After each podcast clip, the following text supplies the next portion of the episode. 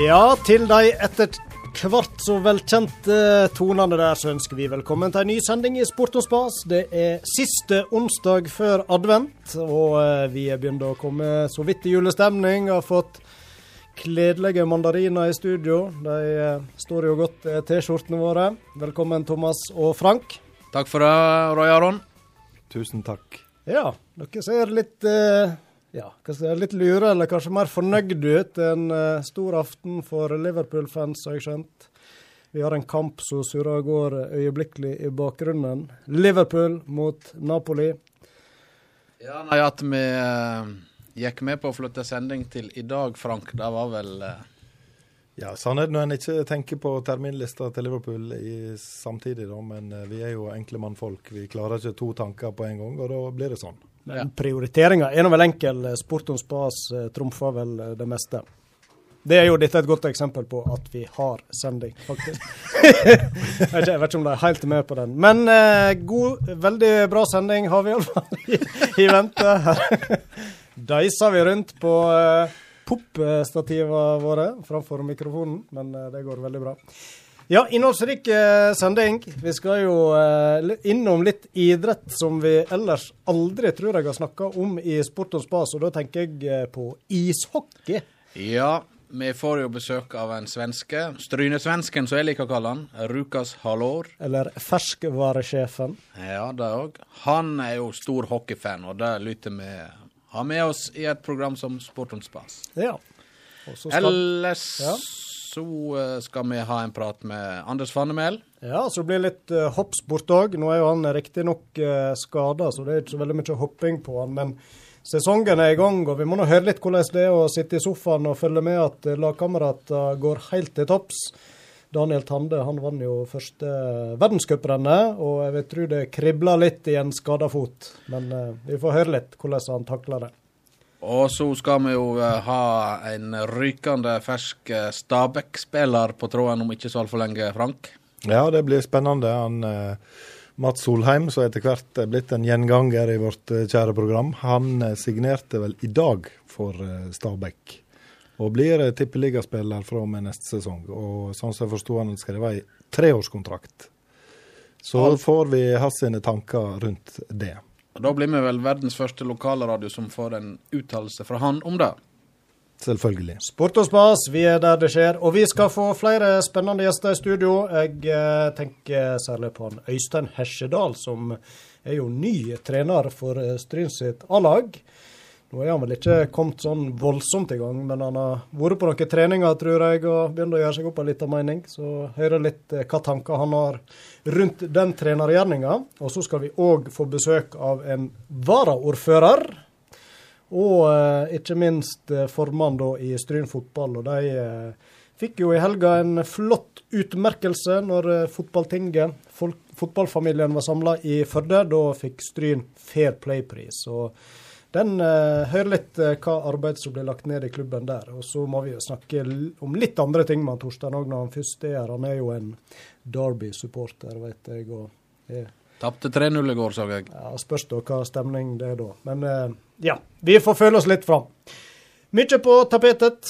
Eh, ellers, dere to karene, har det skjedd noe spennende som er verdt å dele med lytterne våre? Ja, nå var jo han Frank eh, Han var jo på Bryne i helga på Festivitas, som sikkert var kjempekjekt. Ja, det var veldig kjekt. Det jeg beit meg litt Eller det som jeg syntes var veldig interessant, det var når du var på vei hjem igjen på søndag. Ja. For da følte jeg han eh, Frank på Snap. Ja. Og der la han ut alle de ferjene han akkurat ikke nådde. Det var utrolig moro å se. Var det dårlig klaff? Ja, den første ferja den eh, trodde vi at vi skulle nå, men eh, så var det en sånn her eh, betalingsautomat for å komme seg gjennom. Det er jo sånn autopasssystem. Eh, det har ikke jeg på bilen, så jeg måtte jo gjennom den manuelle. Der er en sånn her kortterminalsak, så en bare betaler og kjører om bord. Og det kvinnemennesket før oss i køen sleit ekstremt med å taste inn koden. For hun trodde det at skjermen over som viste summene og sånn, var en touchscreen. Det var det ikke. Så eh, der sto vi og så segla, eh, ferja seile fra kai. Ble du arg da på billett, billettøren, eller? Nei, det var ikke så lenge å vente, så jeg, jeg syns egentlig det var litt uh, morsomt. Men uh, Lavik Oppedal òg røk? Ja, den uh, røk. det var jo klassisk dagen derpå. På vei ned til Bryne så traff jeg perfekt på alle fergene. På vei hjem igjen ble det bom. Stang ut. Stang ut, så Lavik-Oppedal den røk med ca. Ja, tolv sekunder for sein der, kanskje. Ah, ja, ja. Sure sekunder, men sånn er det. Moro for oss som følger med. ja, Kjekt det kan glede noen. Var du ute på tur du òg i helga, eller? Eh, det var jeg sikkert. Du var det, ja. ja. Jeg du? kan det faktisk ikke huske hva jeg gjorde på i helga. Jeg, jeg lagde, lagde leverpostei. Lagde leverpostei? Ja, ja, ja, ja. Juleleverpostei, så er på plass. Jeg var, eller var vel assistent, må jeg vel innrømme. Jo, jo, men det er imponerende. Ja, det var kjekt. kjekt. Det er sterkt. Ja. Det var litt om uh, Du, da? Nei, hva jeg gjorde? Jeg var faktisk på fotballkretsting, jeg. Og uh, var med og var litt uh, konferansier, heter det vel på fint. Så uh, da var det stolt stryning i salen, vet du, når de fikk litt utmerkinger og sånt. Så veldig kjekt. Trivelige folk, disse fotballfolka. Så det var god stemning. Greit, da eh, skal vi øyeblikkelig ringe opp han eh, Mats Solheim vi, og høre med den ferske Stabæk-spilleren hvordan ståa er. Så vi spiller litt eh, reklame i mellomtida. Vi må jo markedsføre vår stolte sponsor, Bunnpris i Olden. Nå har de endelig hørt meg og mase midt om plass. I eksklusive kretser hjå radiosportons bass. Her sit eg stram og slank blant FM-bandets konger, Roy Thomas og han Frank. Kjøpmann André Oppheim og Bumpris Olden er stolt sponsor av Sportons Bas i sesong to. Å ja! Jeg hører på Radio Stryne. Lokalsport.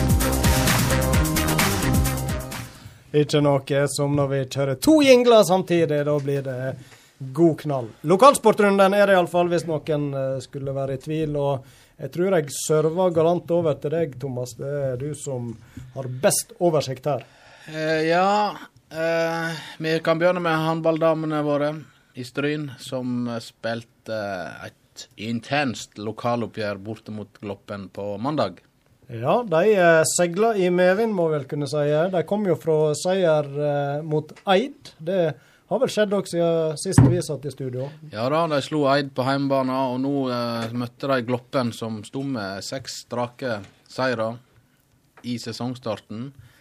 Men eh, Ådne Grete Njøten sitt lag, de eh, viste tenner og vant eh, 33-29 etter å legge under med to mål til pause. Meget sterkt.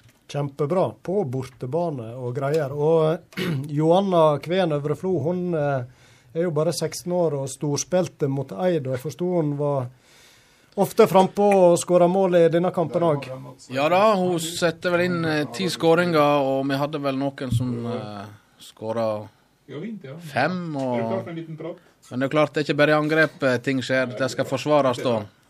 Ja. Så eh, både forsvar og eh, keeper får noe eh, godkjent. Kjempebra. Hvordan ligger han på tabellen? Har du oversikt på det òg? Ja, nå skulle jeg se i lokalavisa hvilken plass de lå på, men der, der, hadde journalisten skrevet bare spørsmålstegn. Sier du det? Ja.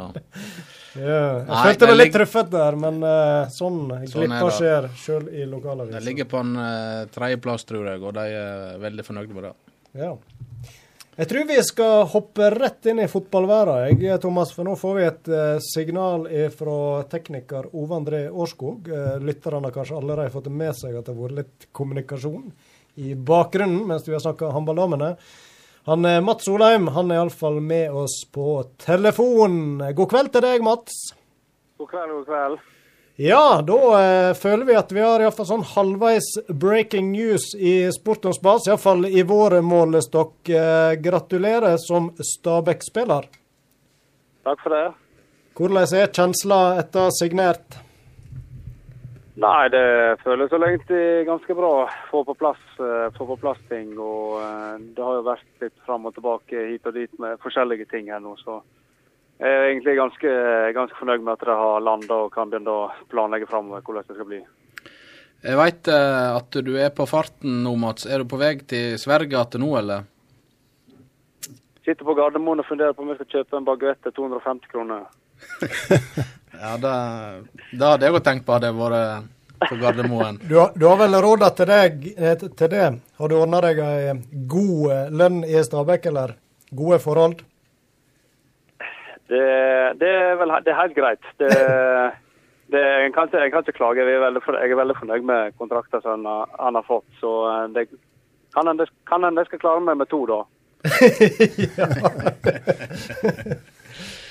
um, nå ble det Stabæk, uh, og det var vel helt sikkert andre klubber inne i bildet òg. Du vil vel sikkert ikke si så mye om det, men du kan vel bekrefte at det var andre klubber inne i bildet? Ja, altså det har vel ikke vært sånn eh, Det er vel en, er vel en del klubber som har kommet med konkret òg, men det har jo vært interesse kanskje fra en åtte-ni klubber, kanskje.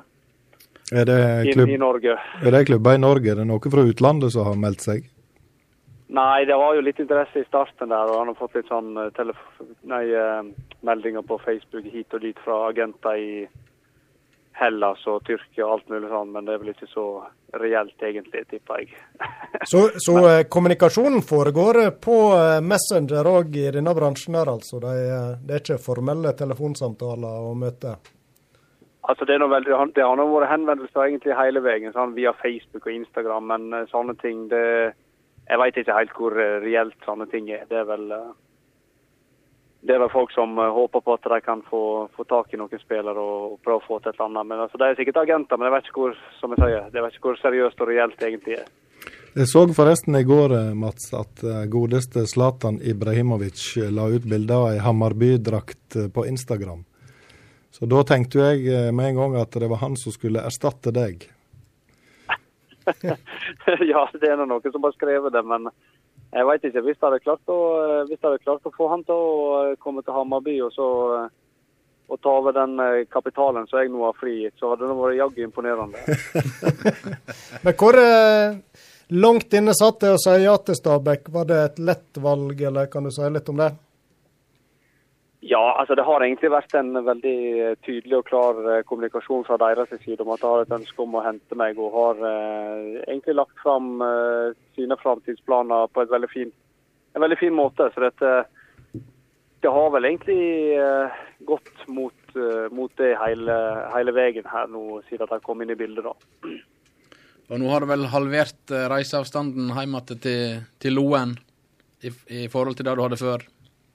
Ja, jeg så på kartet at Eller det vet jeg nå fra før, da, at det er 50 mil. Og det er noe samme som fra Stockholm til Oslo. Men uh, det har jeg glemt at det tar litt lengre tid å kjøre da, i Norge. men, ja. men, men, det, kommer til å bli, det til å bli supert. Jeg har nå broren min her i, i, Oslo og flere kompiser og litt mer sånn nettverk. Så det blir, noe, det blir litt sånn enklere i forhold til familie og sånne ting, så klart. Men du har Hammarby, de, de har spilt på kunstgras, har ikke de det? Vi har hatt kunnskap hele tida når jeg har vært der, ja. Og du er vel klar over at eh, denne potetåkeren til Stabæk er vel ikke i beste forfatning? Nei, men jeg har nå spilt på Fosshaugane på eh, tidligere, så dette bør nå kunne gå an. Ja. Det blir deilig å komme seg på gress igjen? He? Ja, det, jeg tror egentlig det skal bli bra for eh, kroppen. Når er det du eh, tar med deg familie og flyttelass til Bærum? Nei, nå, eh, nå holder vi på å prøve å eh, få solgt leiligheter i, i, Sverige, så jeg håper at det kan løse seg eh, relativt fort. Da. Men det blir nok, flyttelasset blir nok ikke før over nyttår ut i januar. Men det er vel oppstart rundt den 8.-10. januar i klubben, så det er mye som skal på plass, på en måte. En skal nå finne seg en plass å bo her òg på ganske kort tid. Zlatan kjøper leiligheter i Stockholm, vet du. Ja, det, jeg vet ikke om han er så veldig interessert i den. det er jo interessant òg med Stabæk at uh, det nå er en loer og en fra Innvik i klubben, Jan Simen Lillevik. Så sant han blir værende der, da. Har du, du har ikke snakka noe med han i forhold til Stabæk, har du det? Ikke i forkant, men jeg møtte han i dag når jeg var borte på stadion. da. De, skal nå, de trener nå fortsatt og skal spille kamp på, på lørdag eller søndag. Så et, da hilste jeg så vidt på han og snakka litt med han da. Men eh, ja, de skulle nå trene, som sagt. Mm. ja, det var, ble bare en hels. Hei og hå. Hei. Hei. Hei og hå. Eh, Mats, i Hammarby hadde du det originale nummeret 77 på ryggen. Har du valgt samme nummer i Stabæk? Eh, nei, jeg har vel ikke, vi har vel ikke kommet fram til noe eh, nummer ennå. Jeg eh, har aldri vært sånn egentlig veldig opptatt av det der. Så vi, jeg sa det til han der materialforvalteren òg, du kan jo egentlig bare få velge det du vil. Det er ikke alle som er like enkle å ha med å gjøre, tror jeg. nei, det tror ikke jeg heller. Jeg vet med de som har kommet til klubber jeg har vært i og nummeret har vært opptatt, så har det vært, det har vært diskusjoner. Men eh, jeg, det er ikke så, det er jeg ikke så veldig opptatt av det. Det, det er det samme, det. Hva du hadde Frank i uh, Stryn? Kan ikke jeg ta det, da? Eh, 15. Ja, det høres bra ut. Tar det. Gå for det. Ja, gå for 15. Da, da, da, da, da blir jeg litt rørt, Mats, hvis du tar 15. Det, Ja, det vil være stort. vi får se om den er ledig, da. da eh, venter vi spent på eh, både hva nummer du får på drakta, og så blir det jo kjekt å se deg i sving eh, på norsk bane igjen, Mats. Og tusen takk for at du tok deg tida mens du venta på flyet ditt til en kjapp prat med Sportons Bas. Ja, det var bare hyggelig. Kos deg med baguetten hvis du kjøper den. Jeg har to nå. Da ønsker vi en god kveld videre til deg, og så skal vi eh, etter hvert eh, ringe opp han Anders Fannemel, før eh, første gjest i studio snart òg er på veien. Han Øystein Hesjedal, han er meldt sin ankomst. Sportens stas er helt konge. Ja, da eh, skulle vi egentlig eh, ha med oss Anders Fannemelvi på eh, telefon, men vi jobber litt med saken. Det er ikke alltid denne her teknikken står oss bi. Men det gjør derimot gjesten vår Øystein Hesjedal. Han er før skjema og på plass i studio, så da tror jeg vi rett og slett ønsker deg velkommen. Jo, tusen takk. Ja, Trivelig å få besøk av Stryn sin nye A-lagstrener. Er du kommet i gang med embetet, eller hvordan ligger det an? Ja, vi har eh, hatt eh, noen uker nå vi har trent eh, to dager i uken. Og bare for å få sett det, egentlig. Vi har ikke gjort noe annet enn å spille og få en oversikt over eh, hva materialet som er. Ja. Hva, er konklusjonen så langt?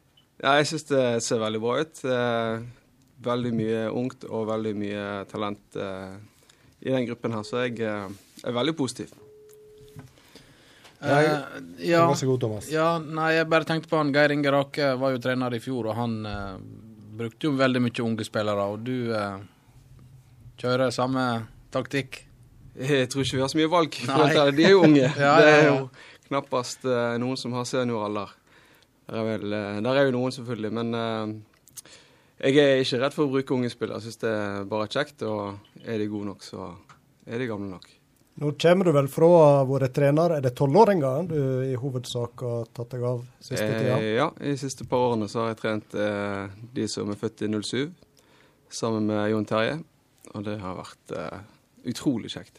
Ja. Hvordan tenker du overgangen blir? Er det, blir det, er det veldig stor Selvfølgelig er det eh, noe annet, men eh, kan du si litt om hva forskjellen først og fremst vil ligge i nå? Eh, forskjell blir jo selvfølgelig at du har eh, Du har eh, enda flere spillere som, eh, som ønsker å, å spille, og som er der fordi at de vil spille. På et 07-lag så er det Der skal alle spille. Der er det liksom ikke noen valgmuligheter på det. Så vi må håndtere flere spillere som er misfornøyde med tingenes tilstand, sannsynligvis. Og så er det jo flere treninger, og det, er, det stilles selvfølgelig mye høyere krav til, eh, ja, til forberedelse, til eh, planlegging, til eh, spillersamtaler og ja. Så det, det er nok eh, en stor forskjell på det organisatoriske og Mer reising, blant annet. Ja, det blir mer reising. Men det er jeg nå vant til. Ja. Men Øystein, den, den observante lytter hører jo det at du ikke er stryning. Kan du eh, gi en liten sånn eh, versjon av hvordan du enda i bygda? Ja, det kan jeg jo. Det spørs om hvor langt tilbake jeg skal gå. Vi begynner den dagen du var født. OK. Nei, jeg, eh, jeg flyttet tidlig til et sted som heter Frekkhaug. Det er en halvtime utenfor Bergen. Og Nå vet jeg at min søster fikk nyss at jeg skulle på radioen, så jeg lovet å, å, ta opp oppveksten. At det var, var tøffe kår. Nei, det var, det var, veldig kjekt å vokse opp på Frekkøy. Det er en plass med 7000 innbyggere, i hvert fall i dag. Og så en liten fotballklubb med, der vi Seniorlaget var i stort sett femte, sjette divisjon. Jeg hadde hadde pappa som trener i, fra jeg var 6 til 17, tror jeg. Og det var vel på, på høy tid at vi skilte lag da, tror jeg. Han, det tærer på begge? nei, nei ikke, ikke, på den måten. Nei, pappa var veldig kjekk å ha. Og um, har selvfølgelig betydd eh, mye, han. Eh, men uh, han var maratonløper, og det var på tide å lære seg fotball uh, etter hvert. Så jeg var god å springe. Ja, men du, du fikk jo ei eh, karriere sjøl òg, eh, Øystein. Hva klubber spilte du for i Bergen før du Du var jo innom Sogndal òg? Ja, når jeg var 17 så gikk jeg til Åsane. Jeg spilte juniorfotball eh, et par år der. Og så fikk jeg eh, et par sesonger i, eh, for seniorlaget før jeg eh, flytta til Sogndal. Så det var det andredivisjon med Espen Brochmann som trener. og en veldig hyggelig og flink trener. Studerte du da i Sogndal, eller? Ja, det var det jeg gjorde. Sånn I utgangspunktet så var det det jeg skulle. Eh, og det var det jeg gjorde eh, først og fremst. Jeg eh, studerte idrett. Tok bachelor i idrett, og så tok jeg grunnfag i samfunnsfag før jeg eh, reiste til Trondheim og, og tok det pedagogiske utdanningen, så jeg ble lærer da. Du fikk noen kamper i Tippeligaen òg, gjorde du det? Jo, noen kamper ble det. Um, så etter litt sånn frem og tilbake i, med Kaupanger og starta litt i Sogndal og fikk liksom aldri helt sjansen. Og da tenkte jeg at uh, studielivet frista, og da var det lettere å kombinere det med Kaupanger. Så jeg, jeg, var der ett år. Eh, og gjorde det vel bra der, og jeg hadde litt sånn åpen retur eh, tilbake til Sogndal hvis jeg hadde lyst til å prøve meg igjen. Og det, det fikk jeg eh, da lysten tilbake og, og tok sjansen, og, det, da gikk det bra. Mm. Men den her eh, trenerspiren i deg, når begynte den å, å vokse? Eh, jeg tror egentlig at jeg lærte mye i, i den Sogndalstiden når jeg spilte. Eh, da tror jeg, jeg eh, fant ut både at jeg ville bli eh, lærer, og, og at treneryrket var noe jeg eh, kom til å like. da. Nå har jeg ikke hatt det som yrke i, i så måte, det å være trener, men jeg har jobbet på videregående skole og jobbet med fotball på en fotballinje, da. Så, så litt, litt, som yrke har hatt det, men jeg jeg, jeg, fikk noen sånne opplevelser der jeg eh, ble veldig bevisst på hva jeg eh, mente var viktig for å kunne utvikle seg og for å kunne ja, prestere. Var det fordi at du var uenig med de eh, trenerne du hadde, eller? Nei, jeg var ikke nødvendigvis uenig, men jeg var nok Jeg gikk nok mye med høye skuldre og ja, litt sånn uh, usikker når du da trener to ganger om dagen. Så blir det tungt å, å kvie seg eh, til trening uh, to ganger om dagen. Og, mm. og, og, det lærte jeg en del av, og, og fant ut det at uh, trygghet er viktig for å kunne lære og for å kunne utvikle seg. Så, så det var nok Det er nok sentralt for meg i dag òg, som trener og som, som, lærer og som far. og Må gjerne være tydelig, og jeg tror du kan bruke sterke virkemidler til å, å, få det som du vil, men da må det være en, en trygghet i bunnen og en visshet om at uh, den som er i maktposisjon, den vil det godt. Mm. Mm. Så det er noe du tar med deg uh, inn i den nye trenerjobben nå, da, å skape den tryggheten i laget som er der. og Kanskje særlig viktig siden det er yngre? Ja, det tror jeg det er viktig for alle. Jeg tror det er viktig på arbeidsplasser, jeg tror det er viktig på, på skolen. og i et uh, fotballag, uansett nivå, så må det være en trygghet uh, mellom spillerne. Og må helt klart være en, en, en leder som klarer å formidle at, at vi stiller krav, og vi forventer at vi følger de reglene som er satt, og vi skal spille på denne måten. Det det er greit, men da må det være en, en trygghet for spillerne å vite at uh, gjør jeg feil her nå, så, så blir jeg ikke hudfletta. Mm. Jeg tenker på, Du er jo en veldig aktiv kar på mange fronter. og Dere har jo starta en klatrepark, du er med der aktiv, og du har leirskole. Klarer du å kombinere alt dette nå med mange treninger i veka og ansvar på et litt annet nivå enn du har hatt? Ja, Det blir spennende å se. Eh, jeg har ikke, jeg har ikke prøvd det ut før, så det blir spennende å se. Men jeg har hatt eh, en prat med, med Monica, min kone, og vi ble enige om at uh, dette har jeg hatt lyst til, og nå var uh, muligheten her, og timingen er liksom aldri perfekt uansett. Så vi hopper i det, og så har jeg en jobb som gjør at jeg eh, jobber mye til tider og mindre i andre deler av året. Så f.eks. nå så har jeg mye tid, og da her må jeg få, få brukt den tiden til å planlegge sesongen sammen med de andre trenerne. og ja, og, og få strukturen og alt på plass, så vi slipper å bruke eh, de store linjene må trekkes nå, og så må vi heller på detaljnivå fra uke til uke. Mm. Lukter det mye god vintertrening nå, da, siden treneren har god tid å bruke på spillerne? Nei, jeg tror du må være fornuftig. Jeg er litt sånn eh, de, Mange av disse spillerne går på videregående skole, og de fleste av de spill, eh, går på denne fotballinjen eh, sammen med Jon Terje, heldigvis. Eh, en eh, dyktig og fornuftig kar. Og de trener tre ganger der, og så skal de trene fire ganger med oss, eller med A-laget kanskje. Og så ser jeg at noen er på Nordfjord Ekstra, og jeg ser de på gymmen. Og... Så jeg tror egentlig at her gjelder det å få litt oversikt over hva spillerne faktisk gjør, og på en måte få kontroll på belastning, og på at det de gjør, eh, gjør det med kvalitet istedenfor at de skal trenes så veldig mye. Og noe særlig mer enn det de 18-19-åringene trener. Det, det, er ikke, det er ikke fornuftig. Nå er jo tidlig å begynne å snakke om eh, ambisjoner kanskje, og tabellplassering og slike ting, men det er vel ingen tvil om at Stryn er vel et lag som skal være i toppen i, i kretsligaen?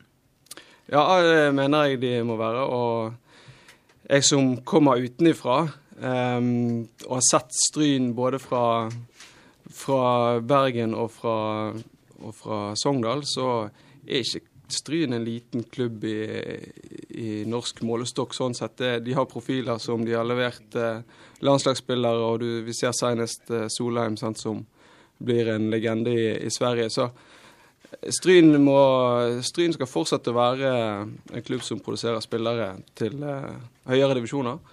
Og så skal de selvfølgelig være med å prege lokalfotballen. Um, I mitt, uh, mitt hode. Og klubben har uh, gitt meg uh, målsetninger som, de, som, jeg skal prøve å oppnå. Og det er å være best i, i Nordfjord. Det vil si at vi må, vi må ta igjen Eid. Og vi må holde Måløy, den nye Måløy fotballklubb bak oss.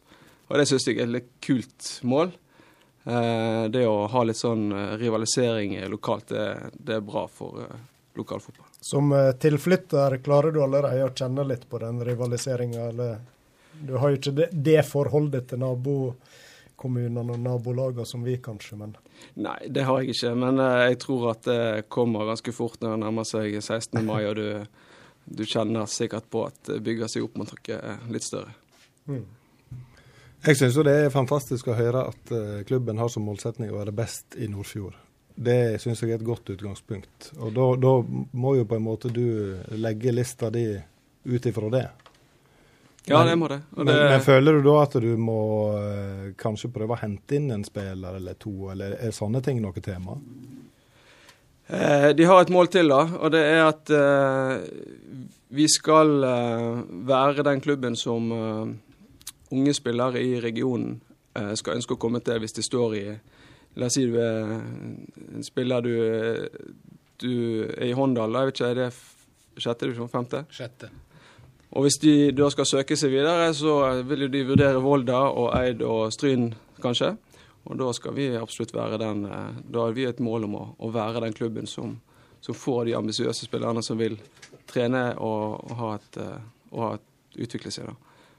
Og, og, det stiller jo igjen store krav til hvordan vi som klubb og ikke minst A-laget som, som, gruppe er. da, At vi har en, mm. en prestasjonskultur og en, en kultur der, der vi er, er, til stede for å bli bedre. Og, og det, blir, det, blir, viktig å ta tak i den biten av i, i den gruppen som er nå, og få de til å, å jobbe sammen mot et felles mål. og og så skal vi ha det, må ha det gøy på, på veien her. Jeg regner med du andre med deg òg eh, i et team her. Eh, hvem er det du Jeg har med meg eh, Emil Allesø og Frode Holegge. Og så er Pål Erik Ytreide med som keepertrener. Så jeg er kjempefornøyd med, med, de gutta. Jeg kjente jo ikke de fra før, men det, det ser ut til å funke kjempebra. Og, og de, de, kjenner klubben og de har vært der lenge, så det, det trenger vi.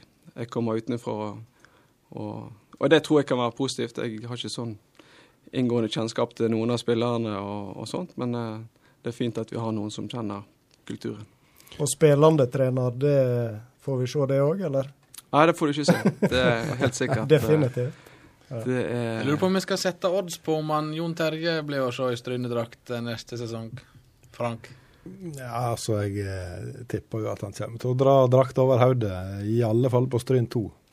Du veit hva han sa her i studio? Eh, veit hva han sa, og det, han sprakk etter 14 dager. 14 dager ja. ja, ja, Nå skal du få slippe å svare på det, Øystein, om han skal spille eller ikke. Det skal ikke Men jeg tenkte på én ting, Øystein. Når du fikk eh, spørsmålet om å ta over som, eh, som, hovedtrener, måtte du bruke lang tid på å tenke deg om, eller, eller tenkte du at dette her må jeg bare hoppe på?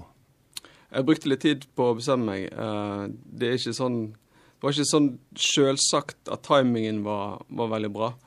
Vi hadde akkurat starta Klatreparken, og, og leirskole har vi fått sving på. Og, og ungene har jo tre barn, og han yngste nå skal begynne på skole med, med organisert idrett. Så det var ikke sånn kjempelett å bare hoppe i det, men jeg hadde utrolig lyst. Og jeg, som jeg tror jeg sa til deg i fjordingen, eh, Thomas, at eh, jeg har jo fått signaler på det at denne sjansen kan komme før eller siden, når det blir behov for en ny trener. Og, og den har jeg hatt lyst på. Jeg har savna voksenfotball i, ja, etter jeg kom til Stryn. Jeg syns det, er stas å, være rundt eh, ungdommer og voksne som, der det betyr noe, og der vi kjenner på nervøsitet og spenning før kamp, og vi, vi liksom ja, trykker på sammen. Det, det syns jeg er kult. Klarer du å si litt om din stil som trener? Er du en tydelig, vil vi høre deg på sidelinja f.eks. under kampene, eller er du den mer observerende og gir meldinger litt mer i det skjulte? Og, eller hvordan ser du for deg å det kan jeg, Før i tiden så var jeg helt uh, bajas. Da var det, da var det Var ikke tvil om hvem som var treneren? Ja, nei, det var det gjerne ikke. men Jeg håper ikke at det blir tvil om noe heller. Men jeg, jeg tror vi Jeg tror jeg kommer til å ha Jeg tror at jeg er flink til å holde fokus på de tingene som vi har eh, bestemt oss for å ha fokus på. Og f.eks. i treningskamper og, og sånn, så vi, skal vi ha konkrete ting vi skal jobbe med. Og da holder vi fokus på de tingene som vi har bestemt oss for å jobbe med. Og skal du ta alt, så, så blir det mye skriking og forvirring utpå det, tror jeg. Mm. Nå er det jo eh, KM i futsal eh, kommende helg, mm. og da stiller de med tre lag. Ja. Det blir jo spennende. Ja, det blir spennende. Jeg, jeg har aldri spilt KM eller sett KM, så jeg, jeg, aner ikke helt eh, Det er vel fire mot fire og en keeper, det er stort sett det jeg vet. Men vi har tre lag, og der skal jeg bare sitte på tribunen og få sett spillerne enda mer. Eh, de skal få styre seg eh, sjøl, og i dag fikk vi på plass en, eh, en ung keeper eh, som, som, skal stå på det tredje laget, og så skal Pål stå på ett lag. Så nå har vi iallfall tre keepere. Eh, det var jo litt Det var i hvert fall godt å få på plass. Ja, det kan være greit å ha en uh, mann bakerst der, så slipper, vi, slipper de å ty til en Frank. vi, vi, har faktisk fått inn et lytterspørsmål uh, til deg, Øystein. Det går litt på sida av det vi har prata om nå, men jeg tenker jeg må nå ta det med nå. Det er ikke så ofte vi får det. da. Er det historiens første lytterspørsmål? Ja, det kan det, Jeg lurer faktisk på det, så det får du ta til deg. Okay. uh, spørsmålet er iallfall er det rett at du har hatt egen såpeserie på radiokanalen P-Vest i Sogndal ved navnet Såpa? Ja, eh, kom, kom, det fra Einar, eller? det står anonym. Ja. det står anonym, uh, ja uh, min gode venn og kollega Einar Bratt, vi, han, han jobber i P-Vest. Oh, ja. Så vi hadde jo liksom tilgang på det som er her, da. Og, så vi var jo en tre-fire kamerater da, som valgte å og leke oss litt med dette utstyret. Så vi lagde en såpeserie eh, som vi kalte for Såpa. Eh, som gikk på lokalradio i Sogndal. Så det var jo yes. det var jo veldig gøy, da. Er dette her tilgjengelig noen plass? Jeg tenkte faktisk på om det kom til å komme opp. Eh, så eh, vi har det et, et eller annet sted på en minidisk. Yes, det skulle vi jo hatt. Tenk å sende dette her eh, i romjula du, Ove. Hæ? Har ikke vært noe? Spørs om vi må be om uh, å få utlevert noe fra et arkiv nede i P Vest-systemet. Ja, var det sånn rollespill, eller? Ja, det var rollespill. Det var det. ja. og det gikk vel Såpeserie på radio, det tror jeg første gang. Ja, det var jo Hotell Cæsar-tiden, så vi var jo veldig inspirert av avansert Nå får jeg mer og mer lyst til å høre den såpeserien. Altså. jeg vet ikke hvor mange episoder det ble, fire-fem kanskje. Yes. Fantastisk. Ja, det er bra. Så radio, det, det har du erfaring med, skjønner jeg. Jeg har uh, Eller er det kun den? Nei, for Einar han sleit jo fra dag til dag. Så han, hva søren skal finne på i dag, liksom. Så han, han ringte jo til, til liksom eksperten, og det var jo min bror. Så han kunne litt om golf og kunne litt om tennis. altså Veldig lite, men han kunne akkurat nok til å få i gang en sånn femminutts stikk. Han fikk jo betalt per stikk, tror jeg. Så han, han uh, kjørte i gang enkle ting, og så var det, var det en gang at jeg skulle lese opp veimeldingene. Uh, og det gikk altså så i ball, for du, du leser det ganske fort, ikke sant. Og så gikk det, gikk det, for fort for meg, og så begynte jeg å stokke ordene, og så, og så ble det plutselig helt stilt. Det ble kaos på veiene etter Ja, det ble det nok uh, ikke. Det er sikkert veldig få som hørte på det. Men, ja, ja. Vi har jo fått et nytt spørsmål, faktisk. Oi, nå... Det er fra en anonym nabo som bare lurer på om vinen smakte, som du har fått.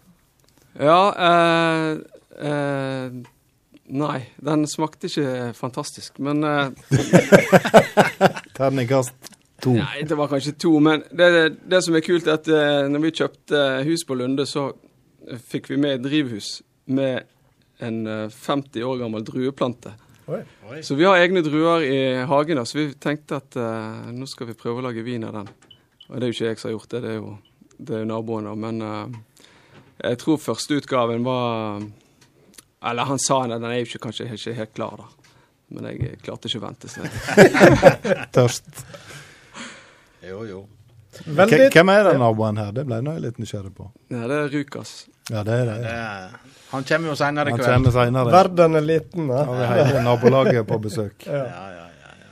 Veldig kjekt å få få besøke deg, uh, Øystein. Og uh, morsomt å høre litt om tankene dine nå før du for alvor begynner som trener. Og så blir det jo spennende å se i helga, da, når lagene dine skal ut i, ut i dyst. Ja. Så får jeg spørs hvor det går på tribuner, sitte i ro der og bare se på. men... Nei, det tror jeg skal gå veldig fint. Jeg håper mest på å unngå skader. Jeg er livredd for den innefotballen, men, ja.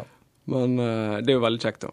Så jeg tror de gleder seg. og jeg skal nok klare å sitte og, og følge med og notere litt. Eh, jeg har jo en andreplass fra i fjor å forsvare. Ja, men da, da går vi for eh, å være bedre enn det. Kjempeflott. Da eh, takker vi for besøket og lykke til. Og så eh, tipper jeg at vi skal prates noen ganger framover eh, når vi kommer over jul iallfall, og utover når det nærmer seg sesongstart. Ja. Så da får du ha en fin kveld videre. Så eh, skal vi ha litt musikk, og så skal vi prøve å ringe opp igjen Anders Fannemel. Jeg veit ikke fram eller bak på en ball, men sport og spas, da har jeg sansen for. Sport og spas, prat og fjas, moro. dette her er grådig stas. Sånn. Nå er vi så heldige at vi har med oss han, eh, Anders eh, Fannemelde på telefon. og Vi er jo litt spent å høre, da, Anders, hvordan det går med deg, og ikke minst eh, den eh, skada foten. Ja, hallo. Eh, det går eh, ja, ganske fint. Det går litt trådere enn, enn jeg hadde håpa på. Men eh, ja, det er vel sånn det skal være å være, være skada, sikkert. Ja, du begynt Det, det tærer litt på eh, tålmodigheten? Ja, litt. Det var litt kjedelig å få den eh, andre operasjonen siden menisken nå har blitt litt løs igjen etter den første operasjonen. Så ja. Men eh, det går ganske bra nå, så håper det går eh, bra videre. Hva er det du eh, bedriver dagene med nå når du ikke du kan hoppe på ski? Jeg trener jo en del eh, for å få tilbake litt styrke i venstrebeinet og sånne ting. Og så har jeg fått en uh, ja, liten jobb på NTG og i Lillehammer opp. Så jeg gir med dem litt når jeg kan. Nå var det jo en knallstart for uh, særlig Tande, da, som gikk til topps i verdenscuprennet i helga. Hvordan er det å se på lagkameratene som er i full sving igjen med ny sesong? Ja, det er veldig uvant å ikke Spesielt eh, de siste ukene før sesongen starta, og ikke liksom eh, eh, preppe formen og kjenne litt på spenningen og sånn før sesongen starta. Så, ja, det er litt uvant, må jeg si. Men det var jo kjekt at jeg kom så bra i gang da, med andreplass i lagkonkurranse og seier til Daniel. Så ja, det lover jo godt for resten av sesongen. Mm. Hvor, hvor, tett er du på landslaget nå når du er skada? Er det sånn at du er litt, eh, litt med på samlinga? Får du tilbud om å være med på renna bare for å være med i, i gjengen, på en måte? Eller hvordan fungerer det? Ja, jeg hadde spurt, så hadde jeg sikkert fått lov til å være med på turer. Men uh, jeg tenker det er nok folk rundt deg, så da slipper de å ha med en ekstra som bare lurer rundt. Så ja, men jeg ser jo uh, de som trener på Lillehammer uh, egentlig daglig når de er hjemme fra konkurranse. Så jeg trener jo med dem når de er hjemme. Og så er det også noen sponsortreff og sånn av og til som jeg er hjemme på. Litt prat i lokalradioen og Ja, det, det er det. Men jeg regner med du blir jo sikkert fulgt, fulgt godt opp av støtteapparat, selv om du nå går skada? Ja, absolutt. Jeg har eh, Jeg blir egentlig knyttet meg mot Olympiatoppen nå som jeg er skada, siden de har eh, folk som ja, kan mer om kostnadsskader enn kanskje de som er med og reiser rundt i Håplandslaget. Så da får jeg en veldig bra oppfølging av dem fra Olympiatoppen, og så selvfølgelig eh, de daglige trenerne jeg har til vanlig. Har du eh, tenkt deg på noen eh, Er det noen hopprenn i denne sesongen her du eh, har lyst til å se live?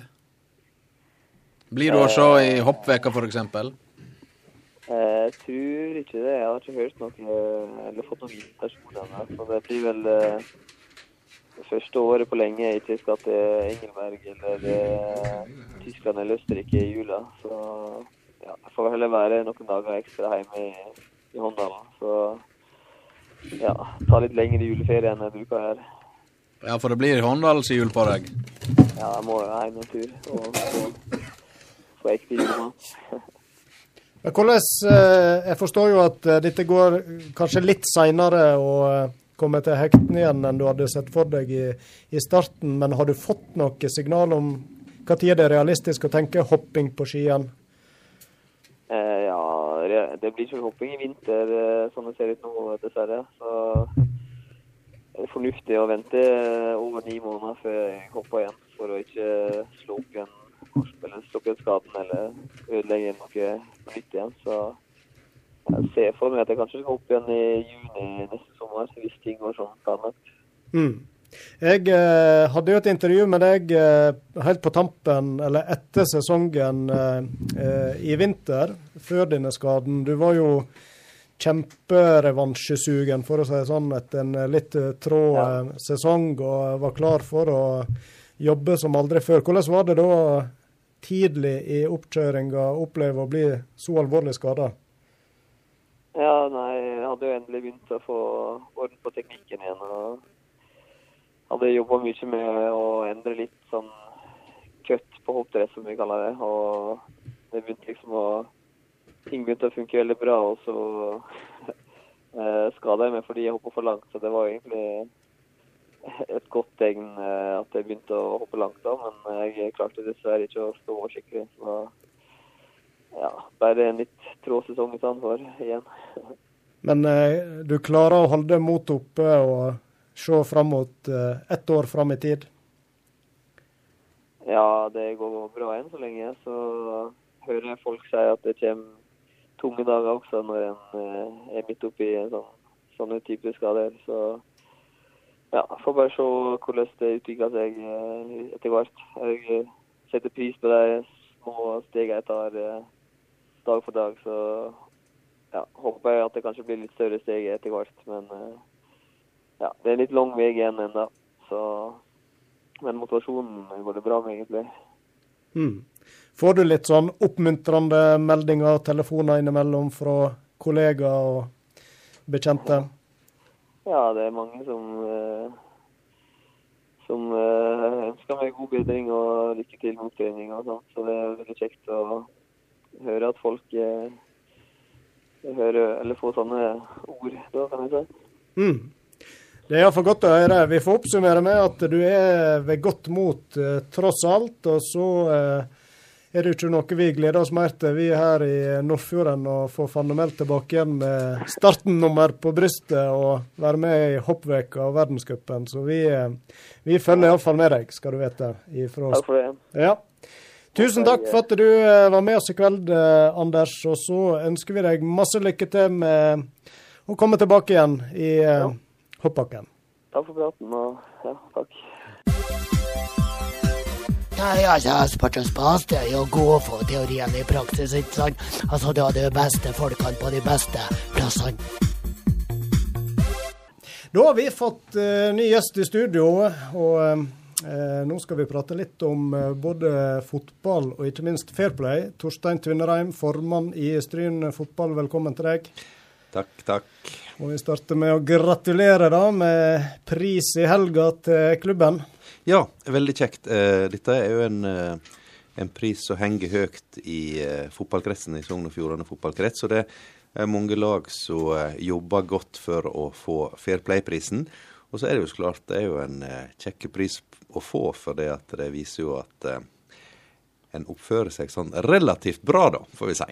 Ja, så Når en får en sånn pris, så forplikter det vel òg litt. En blir vel fulgt litt ekstra med på da, eh, når en har innkassert en sånn? Ja da, det blir en. Og det er litt av, eh, litt av grunnlaget for at den blir delt ut òg. At en, eh, en, skal jobbe for å ha ei sunn og god klubbdrift der Fair Play er i fokus. Og nå har Stryn fotball dette blir nominert. Da. Jeg blir nominert en fire-fem klubber hvert år. og Nå har vi vært nominert fem år på rad og fått den to av de åra. Så ehm, det er vi veldig stolte av. Og det er stor ros til de som jobber både i klubben som trenere og ledere, og eh, ikke minst eh, så har vi et Fairplay-utvalg som jobber ekstra opp mot Fairplay. Mm. Hvorfor tror du at dere har vunnet den andre gang nå? Nei, det er fordi at en setter fokus på Fairplay og har gode strategier for dette. Det er jo ikke sånn at eh, alt i Stryn fotball er eh, går av seg sjøl, og at alle til enhver tid opptrer fair. Men, men hvis, den, eh, hvis, det skjer ting som eh, en eh, kanskje må ta tak i, så har vi flinke folk og, og gode strategier for å ta tak i det òg. Og så er det ha en fokus på det, og det tror jeg er veldig viktig for at en skal drive en klubb så foreldre og andre har lyst til å sende ungene sine til, at en skal bli positivt oppfatta ute. Og så er det som du sier, det vi blir fulgt med. Sånn at når det er noe som eh, ikke er helt på sin plass, så blir vi konfrontert med det at ja ja, fair play, klubb du, liksom. Og det tenker jeg at det er helt greit. Da, eh, da lytter vi tar tak i det og, og prøver å få gjort noe med det. Jeg var jo tilfeldigvis til stades da dere mottok prisen i Førde under fotballtinget. Og så sa du jo litt etter du hadde mottatt den, og jeg forsto at det er, litt, det er jo litt kniving da om denne prisen her. Og kanskje Selje, forsto jeg, som òg higer etter å få Fair Play-prisen. Ja, Selje de eh, har jo gjort det så å si store sak, de, at, eh, at Fair Play-prisen i Sogn og Fjordane den skal de eh, ta hvert år. Eh, og, og, de var Fair Play-klubb år eh, Altså de vært kåra eh, mange år på rad, faktisk. til Vi og Eikfjorden og Vik er det vel som har fått den utenom de de siste åra. Så, ehm, men det syns jeg er bra, for det, at, eh, det hadde ikke vært noe stas å få denne prisen hvis det var ingen som brydde seg om det, og ingen som jobba for å få den. Så det at det er flere klubber som nå eh, gjør så godt de kan for å vinne prisen, det gjør at det er ekstra stas å få den. Jeg tenkte når vi likevel har deg i studio og som formann i eh, klubben, så må vi prate om litt andre ting òg. Det skjer nå litt av hvert. Vi hadde nettopp besøk som sagt av ny trener i klubben, han Øystein Hesjedal. Og så er det jo en fotballhall eh, som eh, vi har skrevet litt i lokalavisa òg. Eh, hva er status i det prosjektet? Status i det prosjektet er at vi, dette er jo en del av Arena Stryn. Nå eh, var fotballen inne og eh, egentlig hadde eh, de samme offentlige midlene vi skulle bygge hall for. Så så basishallen. Men, eh, men, det er altså slik at eh, den basishallen er kjempeviktig for turnen. Så er en stor gruppe som eh, trenger hall, absolutt. De har uh, 400 unger som kravler rundt opp i en gymsal. Så, så, vi sa det i fotballstyret at OK, skal den eh, kunne startes opp, så må de offentlige midlene som er løyvd, altså 9 millioner, gå inn i den basishallen. Og så får vi starte litt fra scratch og begynne å jobbe med vår hall. Eh, og da er det jo veldig gledelig at eh, Sparebanken Vest eh, går inn nå med 2,5 millioner. Spillemidler, eh, merverdikompensasjon, og så eh, er vi vel da eh, i rest på en 8-9-10 millioner, alt ettersom hvor stor hall vi skal bygge, eh, ut ifra de prognosene vi har fått nå. Og eh, det satser vi på at vi skal klare. Vi trenger god eh, hjelp og drahjelp både ifra fra eksterne sponsorer og fra eh, lokale sponsorer. Sånn at jeg håper dette kan være en god kveik til at vi nå får en fotballhall. Og det hadde vært veldig veldig bra for aktiviteten og bra for bygda. Mm. Når tror du Torstein, at en slik hall kan være på plass? Nei, altså det, nå er det jo sånn at uh, vi på prioriteringslista i kommunen da, vi lytter jo søke på spillmidler og alt sånt, så, så sa vi jo fra at vi eh, kommer ikke til å greie å starte den i 2020. Men eh, vi håper jo på at vi skal ha sjanse til å kunne eh, være i posisjon og begynne å søke og gjøre oss klar for å bygge den i 2021-2022. Det er liksom det som kan være målet nå, da. Mm. Og så må jeg jo bare si da at siden du sier litt om eh, Stryn fotball, siden du sier formann, det, det, er jo leder. Og det vi kanskje, kanskje er ekstra stolte av nå, da, det er å eh, faktisk eh, Rune Omedal har reist rundt og fortalt om, det er jo kvinneløftet vi har hatt i Stryn fotball. Vi har hatt et fantastisk eh, løft for kvinnelige trenere spesielt. Og da er vi unike i Sogn og Fjordane. Vi er mest trolig unike i Norge. At vi har nå utdanna ja, nærmest 25 kvinnelige trenere de siste to åra. Og det, det, blir lagt merke til. Eh, både i Sogn og Fjordane og ellers i landet, faktisk. Vi skal til Hordaland og fortelle om det nå eh, utpå nyåret. Apropos eh, damefotball. Eh, damelaget til Stryn hadde jo en kjempesesong som eh, du som leder kanskje er ekstra stolt over. Hva er forskjell på leder og formann? Sånn kjapt Carl I. Hagen var formann. Nei, det, oppgavene tror jeg er ganske, ganske like. Ja, det er det. Altså, jeg tror det. Nei da. Uh, ja, jeg er veldig stolt av damelaget vårt. Egentlig, uh, for å si det slik, jeg er veldig stolt av alle lagene våre. Men, men, det er klart det at det, damefotballen har fått et sånt løft. Eh, de eh, hevder seg eh, godt, og de er ikke minst veldig kjekke å se på. Altså er, de spiller flott fotball, flott angrepsfotball. Og det å være på stadion og se damene spille, spille kamp, det er rett og slett kjekt på rent sånn fotballfaglig òg. Altså det, det, er rett i angrep og masse mål og stor entusiasme. Så det, der har Ann Johan og gjengen rundt damelaget gjort en kjempejobb. Hvor mange kamper blir det på stadion for deg i løpet av en sesong? Både damekamper og herrekamper. Du er jo flittig på heimekamper, iallfall? ja.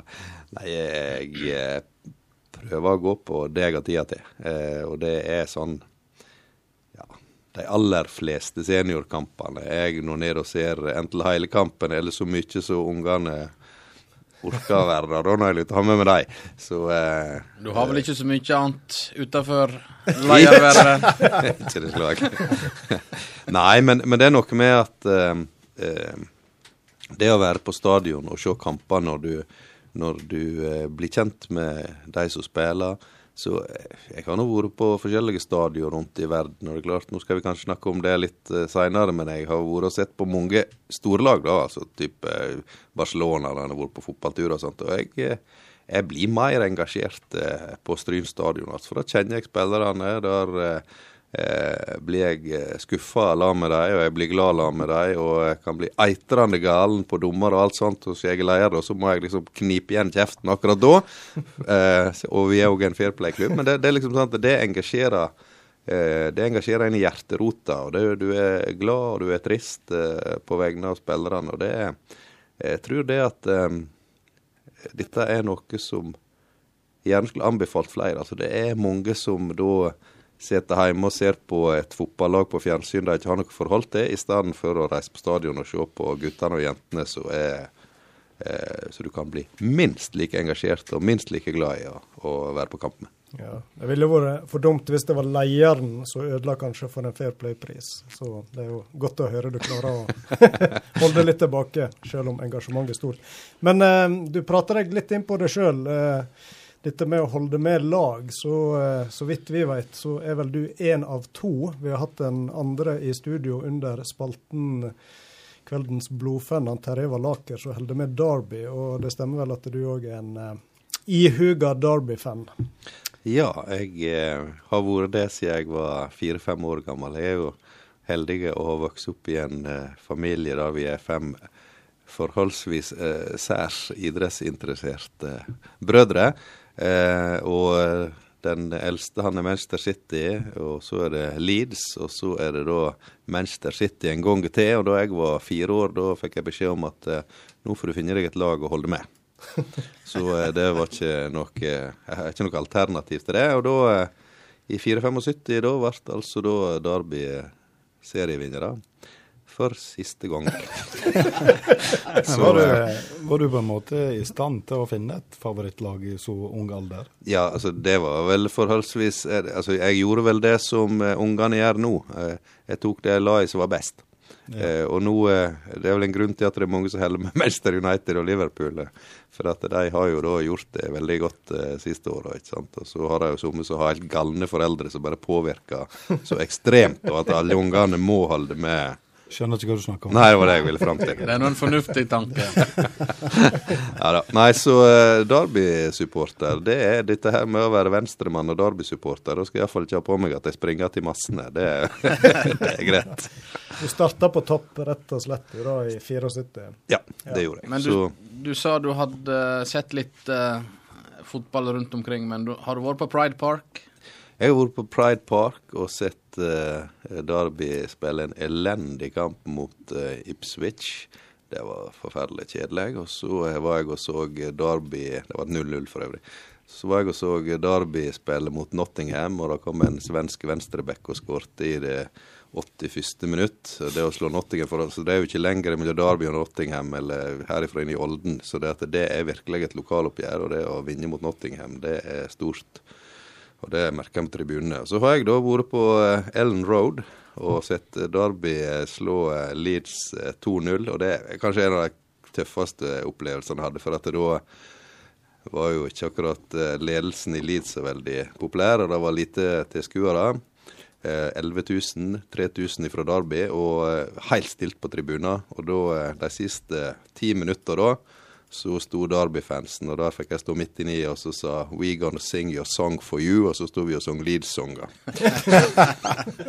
og stort mer uh, audmjukende enn det går vel ikke an å bli. da. Så det. Men engasjementet der, da. Du var inne på det at det er kanskje ikke noe som får det mer fram enn på Stryn stadion. Men er du en Går tap inn på deg, og blir du ekstra øsen når det sier ja, Ikke så i dag. Altså, jeg vet jo det at vi tapte 3-0 mot Fulham i går, og sånt. Jeg får med meg det, og jeg føler med hva som spiller. og vi Altså det er 400 ca. Derby-supportere, betalende Derby-supportere i landet. Og vi har da landets Ja, det er kåra til beste eller nest beste eller tredje beste supporterblad sånn hvert eneste år. Det er vanvittig. altså det er helt, For å si det sånn, de er klin galne. Så de lager supporterblad. er Helt fantastisk supporterblad. Så det er ikke noe vanskelig å få med seg det som skjer rundt Derby. Men så er det når det kommer disse opprykkskampene, da, i, når vi sist vi rykte opp. Da satt jeg helt alene i Fredrikstad. Jeg bodde der nede. Vi eh, vant 1-0, eh, og det var ikke akkurat fortjent. Og da når kampen var ferdig, da, så var jeg kliss våt av svette. Så det er klart at det Og så spilte vi da opprykkskamp igjen mot eh, Queens Park Rangers nå eh, for eh, noen ja, tre-fire år siden, og vant skuddstatistikken på mål 14-1. Det ene skuddet som kom fra Queens Park, det var da på overtid, og de hadde fått utvist en mann, og jeg bare, gjorde bare, bare klar for at vi skulle knuse de ekstraomgangene. Og da lurte kjerringa virkelig på hva det var som skjedde nede i kjelleren. Da trodde hun hadde gått skikkelig galt. Og, og, og det, var ikke, det, var ikke, noe jeg gjorde meg til. Altså Det er det sånn når du får disse kampene Jeg tipper dere som er i huga Liverpool-supportere og sånt, de har det sånn, det òg. Så når de får disse her kampene som virkelig betyr noe, så merker en det at en holder med laget. Så når eh, jeg har vært og sett eh, Derby utlikne 3-3-3 på eh, gamle ærverdige Dedel mot Southampton, og danske Mike Beck skårte i det 96. minutt, og da var det ikke for jeg var inne på banen. Det må jeg bare tilstå. Men er det sånn når du sitter og ser kamper i Stryn, Savner du noen å se kampen i lag med, eller greier du deg på egen hånd? Det, det går. Men vi, vi var nå altså da på puben og så eh, Det var jo kvalik i fjor, eh, og det var eh, Derby mot Leeds. Og Derby Leeds er jo litt sånn spesielt, for det er jo ganske mye Leeds-supportere. da. Men eh, den eh, andre kampen, da skulle jo ikke Derby greie det, for vi lå jo under med et par mål. Men så eh, gikk det nå bra til slutt likevel. Og da satt jeg jo som enslig Derby-supporter la med Elite-supporterne, Og det gikk nå fint, det. altså. Det var helt greit. men dere to, du og Terje Valaker, dere holder ikke i lag når det er kamper møtes? Nei, vi har ikke gjort det, altså skal det vel sies at jeg tror ikke han jeg, tror, jeg er ikke sikker på om han har vært og sett Derby på Pride Park. Så jeg har jo sagt det. Sa han han hadde gjort det? Litt usikker nå. Mm, nei, han var vel uh... Så jeg eh, har jo sagt at vi må ta oss en tur. Eh, Derby er jo en eh, flott plass og et kjempefin stadion. Og så er det jo noe med at eh, det er jo ikke en stor klubb i den forstand. Og det at de har en supporterklubb i Norge, er jo at vi var med på en supportertur da jeg så mot Ipswich, da får vi si. Og det, da ble vi jo, vi ble jo invitert inn i de flotteste suitene, og vi kunne få lov å være der, og vi kunne få snakke med omtrent de vi ville. Men hvis eierne kom inn, da fikk vi lov å snakke med dem. Det var liksom beskjed. Så, så eh, en blir faktisk eh, veldig godt imottatt. Og eh, hvis en skal ha seg billetter, så er det jo sånn, ta kontakt med supporterklubben, så ordner de alt til deg. Så det er ikke eh, Det er fint å være i en litt mindre klubb av og til. Det er det. Ja, det høres litt syterløst ut i forhold til Enfield f.eks., der det ti års ventetid på sesongkort og sånt. Det er ikke så eh, enkelt med billetter der. Nei, jeg, eh, ja, jeg har fått vært med disse her eh, Liverpool-supporterne. Jeg har jo en Liverpool-supporter som yngstebror, men Inge Mathias er jo det. da. Så jeg har fått vært med på Enfield en gang, og det var ikke helt sånn det var, nei. Det var liksom sånn bak i smug og få seg billett videre. ja. ja. Da tror jeg vi eh, skal etter hvert eh, si tusen takk for trivelig besøk, Torstein. Både å snakke om litt Fair Play-pris og litt eh, fotballsupporter i England. Og vi rakk vel innom litt eh, hva som rører seg i Stryn fotball òg. Ja, vi bladde vel gjennom litt. Ja. Noe du brenner inne med, eller? han Torstein er jo Så lang radiosending, ja. ikke det? I, i, ikke politisk, det får vi ta han Torstein han har jo uniformert seg dobbelt i dag, må vi jo si ja. til ja, lyttere. jeg eh, har med meg da det, Men det syns jeg er litt morsomt, da. For det at eh, denne, her, til, denne her drakta er jo litt eh, fra forrige sponsor. Men altså mottoet til til Norges Fotballforbund, det er jo Eat, Move, Sleep, da. Men så har vi da Derby, da, som har Just, just Eat. Just eat. Enkle ofte det beste. Er det enklere? Ja, ja, ja. Kjempebra. Tusen takk for besøket, Torstein Tvinnereim. Da har vi fått pynta studio med hockeydrakt og skjerf, og vi har fått uh, servert cheeseballs, og det er ikke måte på. Vi koser oss virkelig. Velkommen til oss, uh, Rukas Hallor. Takk for det. takk for det. Ja, du er jo eh, vår blodfan-gjest i kveld, og det skal jo ikke handle om fotball. Nei. Du er vel den eneste kanskje i Stryn, nå tar jeg kanskje munnen litt full, men ishockey er din idrett. Yes det er det. Du er vel kanskje ganske ensom når det gjelder hockeyinteresse her i Stryn? Ja, så kan jeg si i hele Sogn og Fjordane for å ta i litt. Ja. ja.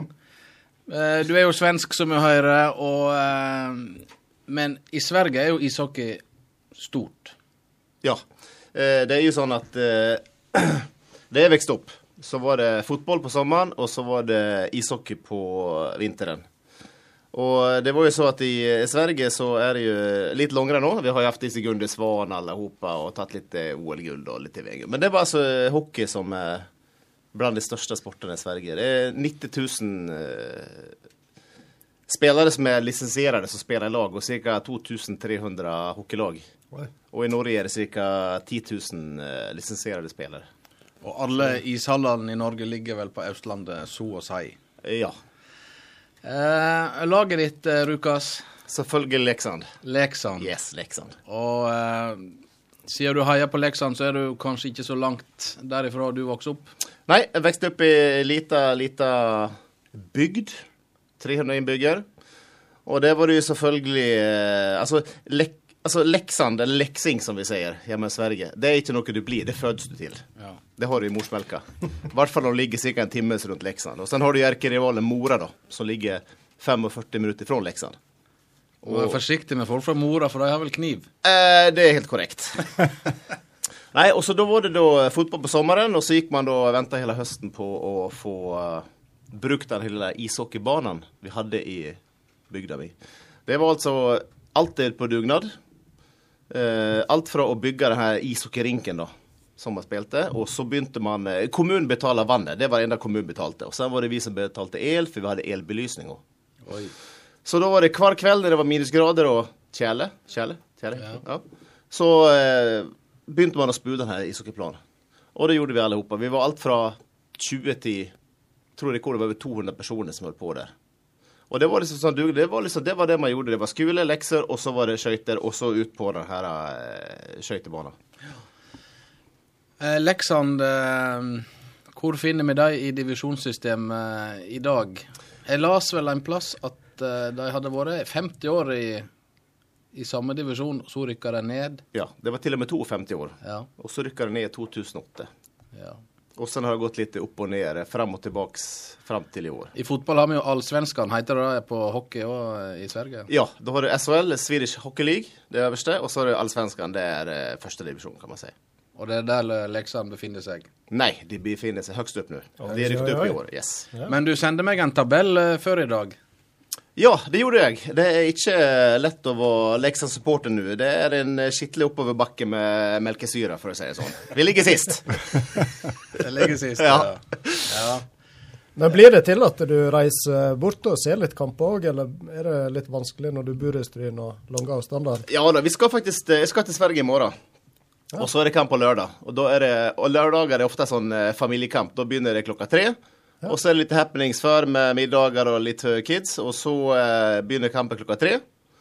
Og så ca. to timer. Det er, ja, det er 20 minutter først eh, spill, og så er det pause 15 minutter, 20 minutter, 15 minutter, og så er det 20 minutter. Og så er det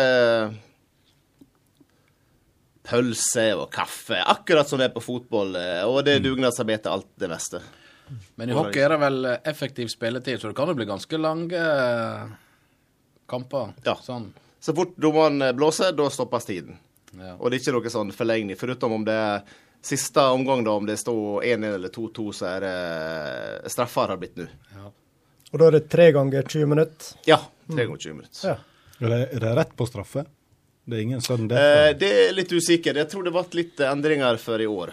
Så okay. av, av, og til hadde de eh, Hva kalte det for? Typ golden goal. Ja, sudden death. Sånn. Ja, sudden death ja. ja. Så all, alle kamper skal avgjøres? Ja. I serien? Ja. ja. Og så er det så vinner en tre poeng, og så uh, står det 1-1 fulltid, så får hver lag én poeng. Og så de som tar siste skåringa, får ekstra poeng, da. Mm. Ja. Men eh, jeg vet ikke om du sa det sjøl, men har du ei aktiv uh, karriere, eller iallfall har spilt hockey på lag?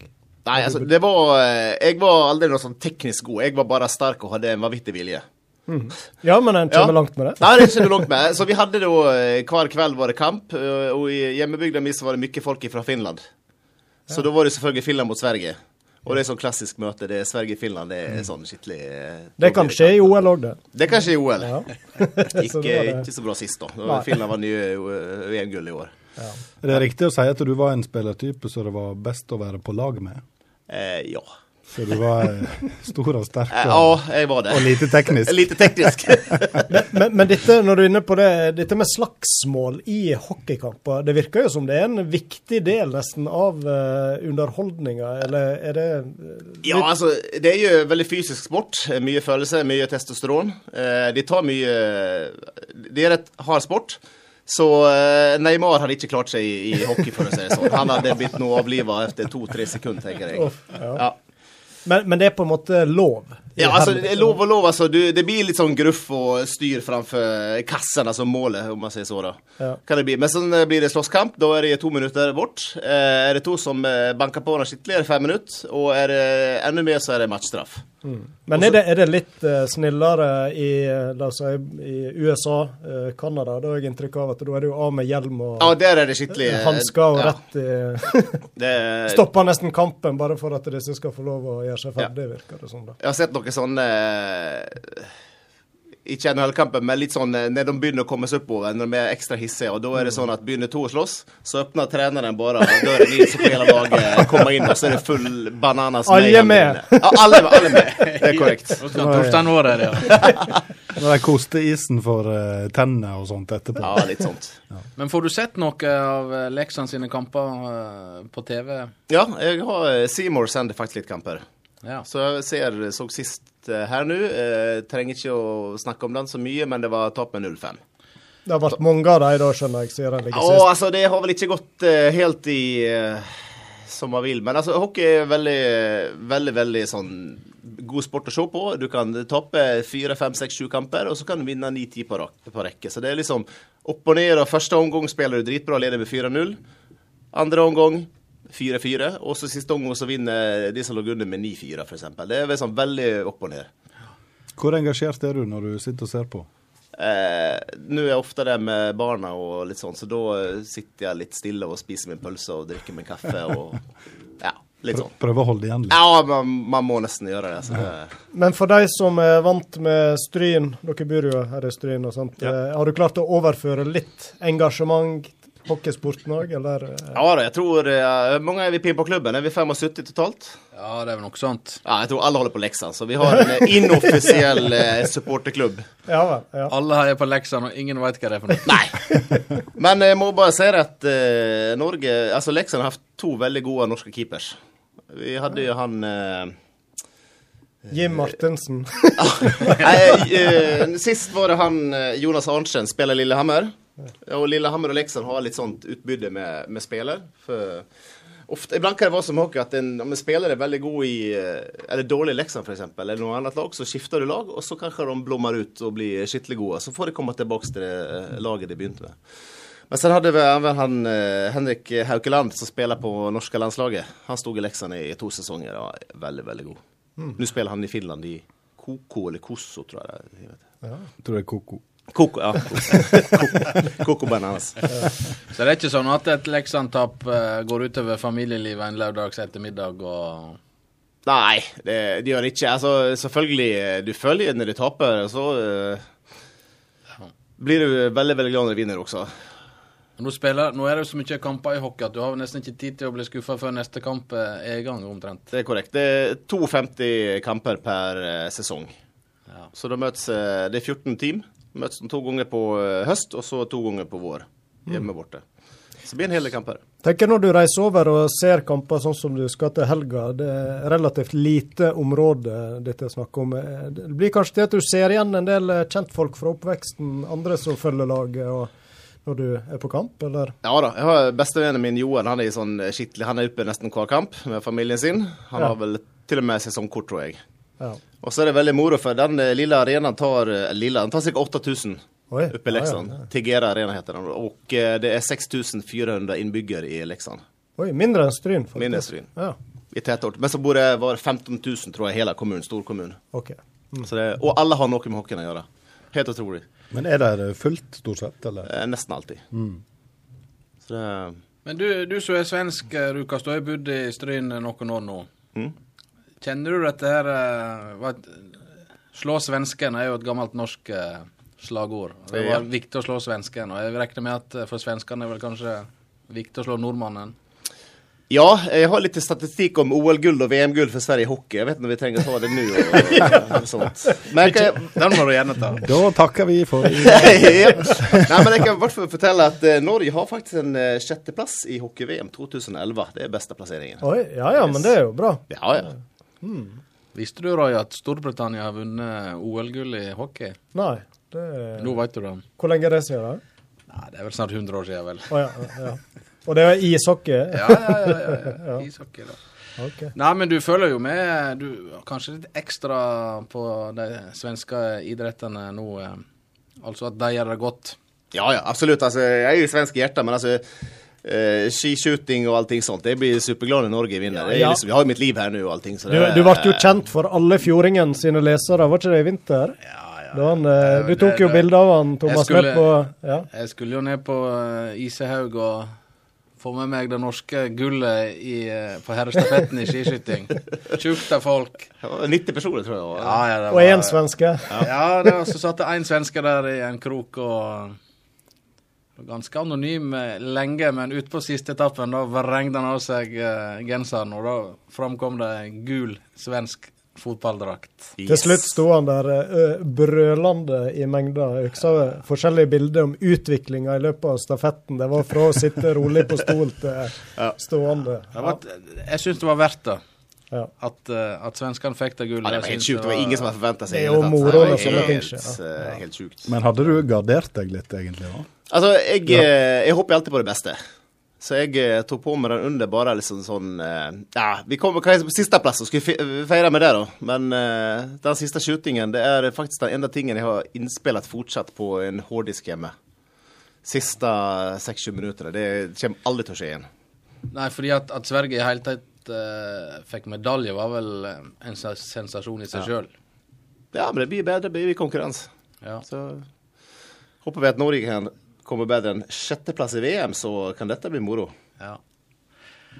ja, nei, eh, vi har en vei å gå der på hockeyfronten, gutter. Absolutt. Men eh, idretter sånn ellers, du, du følger med på skiskyting sånn Ja, gjennom vinteren òg, og syns det er spennende?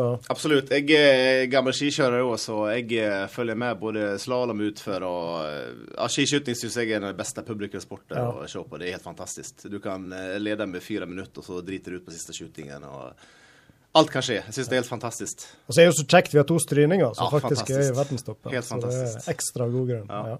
Ja, det er kjekt.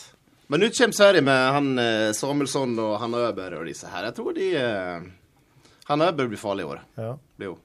Det, det har jo kommet mer og mer siste året, så sånn helt bombe var det jo for så vidt ikke. Men eh, selvfølgelig en liten overraskning at alle fire skulle få full klaff på den stafetten. Det Ja, det skjer ikke ofte. Men eh, alpint, ja. Er du, Ja. Har du stått eh, konkurranse sjøl, eller eh, mer Du har jo holdt til i Alpene en periode, vet jeg. Og, Ja da, det ble, det ble 14 sesonger i Alpene. Eh, Der er òg mer, mer vilje og styrke enn teknikk. Man kommer langt på det, som du sa, Frank. Det typisk utforkjører. Ja, ja. Nei, altså, herregud. Står du på ski 100-120 skidager på, på et år og jobber, så ja, Du blir god, og du tar deg ned på det meste. Men sånn Ja. Så kom familielivet, og det er jo fantastisk det òg, men da blir det mindre skikjøring. Men så har vi fantastiske her både på sommer og vinter som uh, syns vi er helt fantastisk å stå på. hvordan blir det i forhold til Alpene? Det blir vel li- litt uh, trappetrinn ned, selv om vi skal ikke prate ned Stryn uh, vinterski, men uh, Nei, det blir mer uh, easy rundløype og litt bedre stålkanter enn pudder opp til knærne og store, brede ski. Det er sant. Men ja. ta en tur med barna oppi der og se hvordan det utvikles og knekke koder på pudder og, og, med litt sånn skjærende sving og allting. Det er helt fantastisk. Men du er jo interessert i idrett, hører vi. Har du nok, er du engasjert i idretten i, i Stryn? Nei, altså, engasjert eh, Jeg har blitt tilspurt litt sånn, men jeg takka nei til det. Jeg hadde turn i tre år, jeg og Jan Tore Sunde. For tre, fire, femåringer, og det, det var kjekt. Det var ikke noen språkbarriere? Nei, det var mer sånn eh, ta det, peke med fingeret og hele handen så. Ja. Men det var kjekt. Jeg så eh, disse unge utvikle seg fra å være litt redde og ikke tørre til å ta salt og det meste. Der.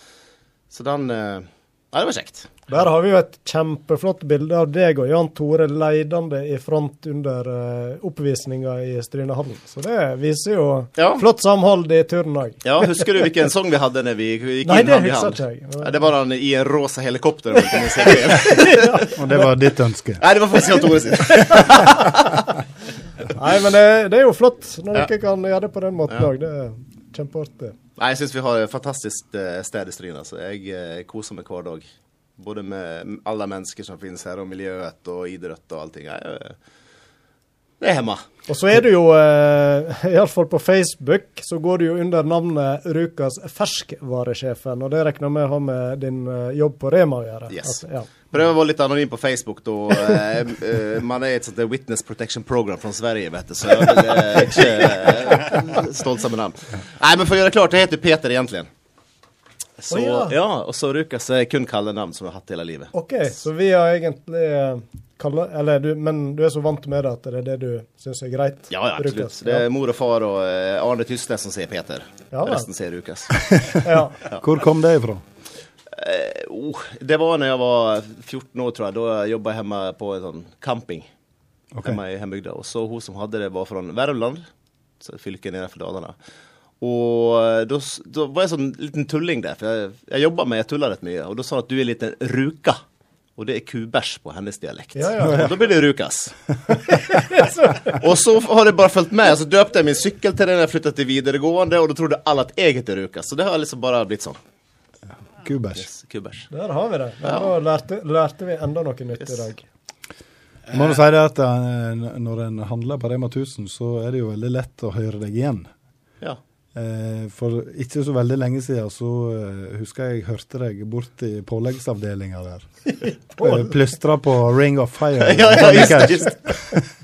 Og det førte jo til at jeg sjøl gikk og pusta på den ja. resten av den kvelden. Det husker jeg så. Jeg fikk eh, surøye etter deg. Men er det du, Ruka, som har sørga for at det er Leksands knekkebrød på Rema? Uh, kan ha vært litt finger. Jeg skal ta med litt ære der, ja. Er det flere svenske produkter har fått inn i butikkhyllene? Jeg syns vi er nok med Leksands knekkebrød, jeg. Det er vel det som er Er det noe knekkebrød du vil anbefale? det? Ja, alt fra Leksand kan jeg anbefale. Ja. Det er Leksands knekkebrød er en av de største sponsorene til Leksand Hockey. faktisk. Ja. Det er jo grunn god nok til ja, å kjøpe en pakke. Kvalitet. Kvalitet. ja. Greit, da har vi fått dagens knekkebrødanbefaling. Ja. ja. Var det lov å gjøre reklame i studio? Ja, det er jo greit. Det er, Her er alt lov.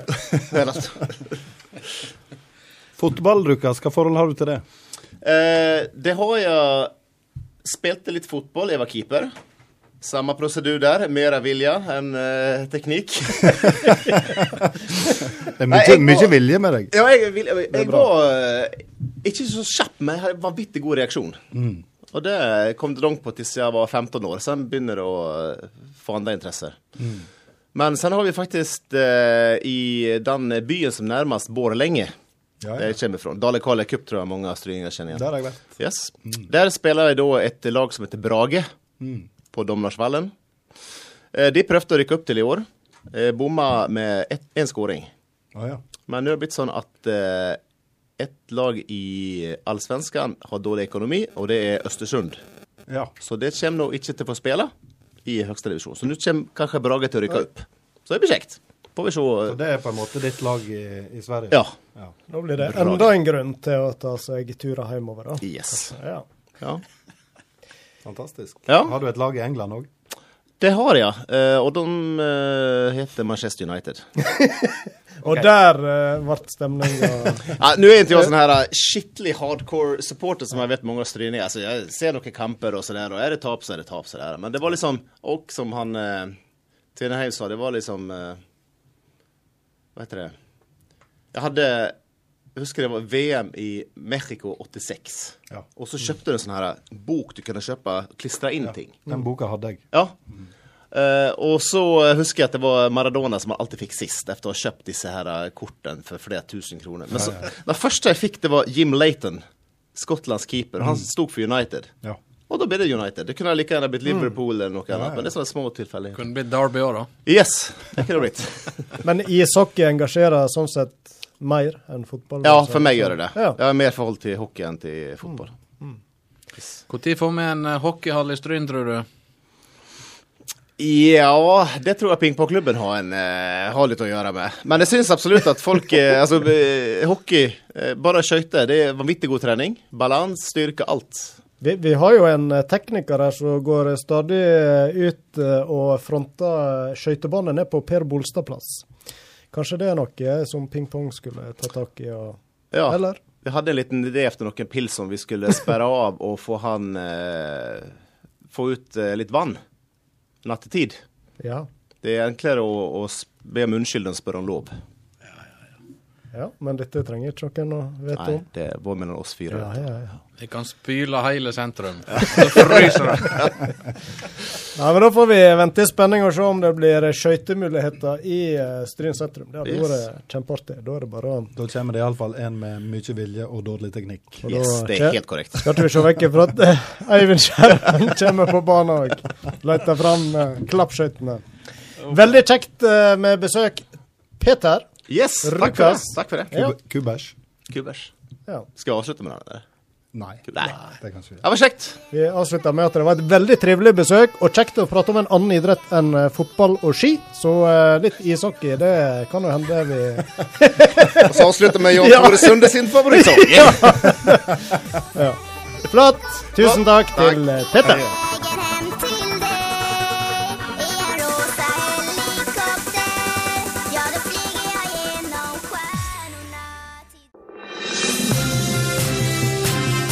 Sitat, ord og uttrykk fra sportens verden som du nå får servert, enten du vil eller ei, ved Frank Hol. I dag, mine gode venner, skal vi ta for oss et uh, uttrykk. Har vi lyd på øret nå? Jeg har lyd eh, på mine ører, iallfall. Ja, det har jeg òg. Ja. uh, Må spørre oss om du har lyd på ørene. Hører klart og utydelig, Frank. Eh, bra. I dag skal vi ta for oss et uttrykk som heter stoisk ro. Ja. ja. Kan du legge det, maestro Roy Hol? Oi, oi, oi, oi. Stoisk ro. Nei, du, du har jo en uh, Hele deg er jo prega av roen, på en måte. Men det er stoisk, altså det er jo noe Jeg vet, jeg vet rett og slett ikke hva det ordet betyr, men det er jo Du skal fram og ta et straffespark, og du du får bildet i hodet med en gang, du, Thomas. Ja, ja. Du er så rolig og avslappa, og du bare setter han inn i hjørnet som om ingenting var skjedd. Du utførte straffesparket med stoisk ro. Men hva betyr stoisk? Ja, Det er jo det som er, er clouet. Hva kommer det ordet ifra? Eh, det er ikke stoisk. Stoisk? Ja. Stoisk, jo. Stoisk ro. Stoisk ro. Stoisk. Skal vi langt tilbake i eh, tid nå? Vi skal Gresk så langt tilbake i tid som vi aldri har vært før. Oi. Eh, og da snakker vi før Kristus. Såpass, ja. O, altså sto... Attende til dinosaurene, nesten. Stoisisisme. det er en retning innenfor uh, hellenistisk filosofi grunnlagt i Aten av filosofen Zenon. Ai, ai, ai, hvem var det som snakket om gresk mytologi?